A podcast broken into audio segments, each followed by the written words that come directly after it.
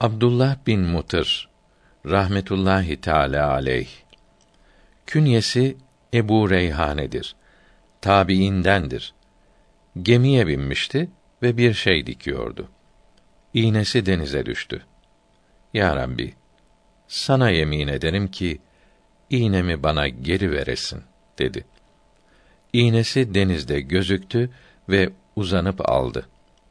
Derler ki deniz dalgalanmaya başlayınca ey deniz sen aciz bir mahluksun. Sakin ol dedi.